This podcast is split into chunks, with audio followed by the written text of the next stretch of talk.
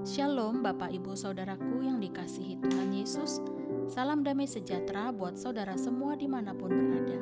Pagi ini saya kembali mengajak marilah kita bersaat teduh dan berdoa Dalam renungan penuntun kehidupan setiap hari. Kiranya damai sejahtera Allah dan tuntunan roh kudus menyertai kita sepanjang hari ini. Tema renungan pagi ini Pahala di balik penderitaan Nats Alkitab terdapat di dalam 1 Petrus 3 ayat 13 sampai dengan 14. Demikianlah firman Tuhan. Dan siapakah yang akan berbuat jahat terhadap kamu jika kamu rajin berbuat baik? Tetapi sekalipun kamu harus menderita juga karena kebenaran, kamu akan berbahagia. Sebab itu, janganlah kamu takuti apa yang mereka takuti, dan janganlah gentar. Bapak, ibu, saudara yang dikasihi Tuhan Yesus, kita sama-sama setuju kalau tantangan di dalam kehidupan pasti selalu ada. Tantangan tidak pernah berbicara tentang sesuatu yang akan kita hadapi ke belakang, tetapi yang namanya tantangan selalu berbicara tentang hal-hal ke depan atau sesuatu yang baru yang akan kita jalani. Saudaraku, dalam setiap tantangan, semua orang pasti berharap mampu untuk melewatinya. Tetapi kenyataannya tidak mudah, terutama bagi kita sebagai orang percaya. Selama kita masih tinggal dalam kemah tempat kediaman kita di bumi, dan itu artinya kita bisa saja menghadapi banyak tantangan. Namun, Tuhan berharap kita selalu memiliki iman dan menghidupi kebenaran dalam segala keadaan. Nah, saudaraku, firman Tuhan yang akan kita dengarkan dan renungkan pagi ini berkata, "Siapakah yang akan berbuat jahat terhadap kamu jika kamu rajin berbuat baik? Tetapi sekalipun kamu harus menderita juga karena kebenaran, kamu akan berbahagia." Ada hal yang menarik di sini, saudara. Umumnya, kalau kita berbuat baik, pikiran kita akan berkata, "Mana mungkin orang lain akan berbuat jahat terhadap kita?" Tetapi sering kali kenyataannya tidak selalu demikian. Yang terasa aneh, kalau yang berbuat jahat itu adalah sesama orang percaya, sesama orang Kristen.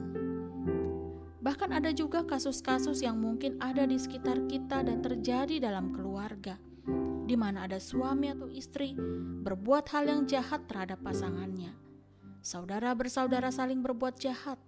Ada orang tua berbuat jahat terhadap anaknya. Ada pula anak berbuat jahat terhadap orang tuanya. Demikian juga dalam gereja Tuhan, di mana ada saja orang-orang yang berkarakter dan lidahnya belum sepenuhnya berubah, sehingga hal itu bisa dipakai iblis untuk memecah belah, menggosip, memfitnah sesamanya. Akibatnya tidak heran orang bisa tersinggung, terluka, dan memilih untuk mundur meninggalkan gereja atau pelayanan. Jadi saudaraku, walau kita sudah berbuat baik kepada orang lain, kita tidak bisa berharap 100% agar orang tersebut berbuat baik juga kepada kita. Saudara, mungkin hari-hari ini kita sedang mengalami tantangan yang membuat kita merasa menderita karena kebenaran. Kita merasa seperti dirugikan atau kita merasa seperti orang lemah atau tidak berdaya demi mempertahankan sebuah kebenaran. Tetapi firman Tuhan begitu jelas kita dengar pagi ini bahwa sekalipun kamu harus menderita juga karena kebenaran, kamu akan berbahagia. Nah, pertanyaannya, di manakah letak kebahagiaan kita ketika kita harus menderita karena kebenaran? Ingatkah saudara, Tuhan Yesus pernah berkata, Berbahagialah orang yang dianiaya oleh sebab kebenaran, karena merekalah yang empunya kerajaan surga.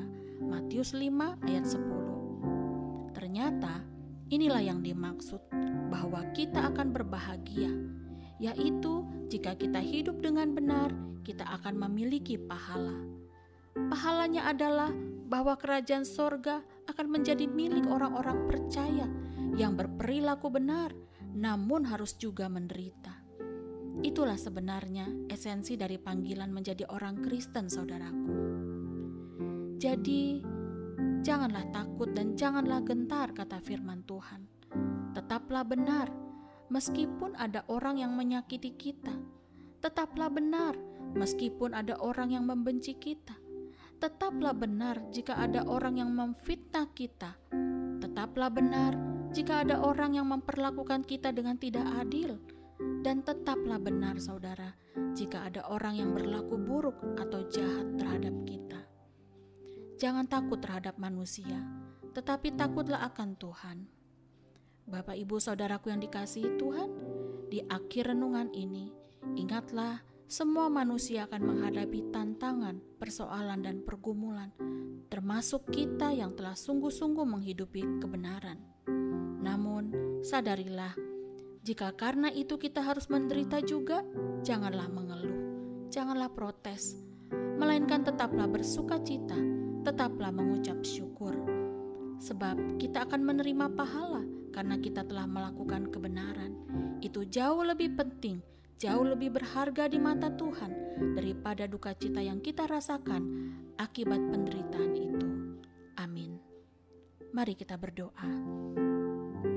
Tuhan Yesus, kami bersyukur buat kebenaran firman-Mu pagi ini yang mengajar kami agar kami tidak gentar dan tidak takut dalam penderitaan, sekalipun kami sudah berbuat baik.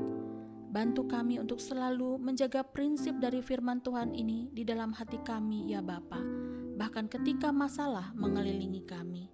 Terima kasih Tuhan Yesus. Haleluya. Amin. Kiranya berkat yang sempurna dari Allah Bapa, kasih karunia dari Tuhan Yesus Kristus, dan persekutuan yang indah dengan Roh Kudus menyertai kita dari sekarang ini dan sampai selama-lamanya. Maju terus dalam tuntunan Tuhan, saudara. Tetaplah semangat. Sampai jumpa esok hari di penuntun kehidupan setiap hari, dan Tuhan Yesus memberkati.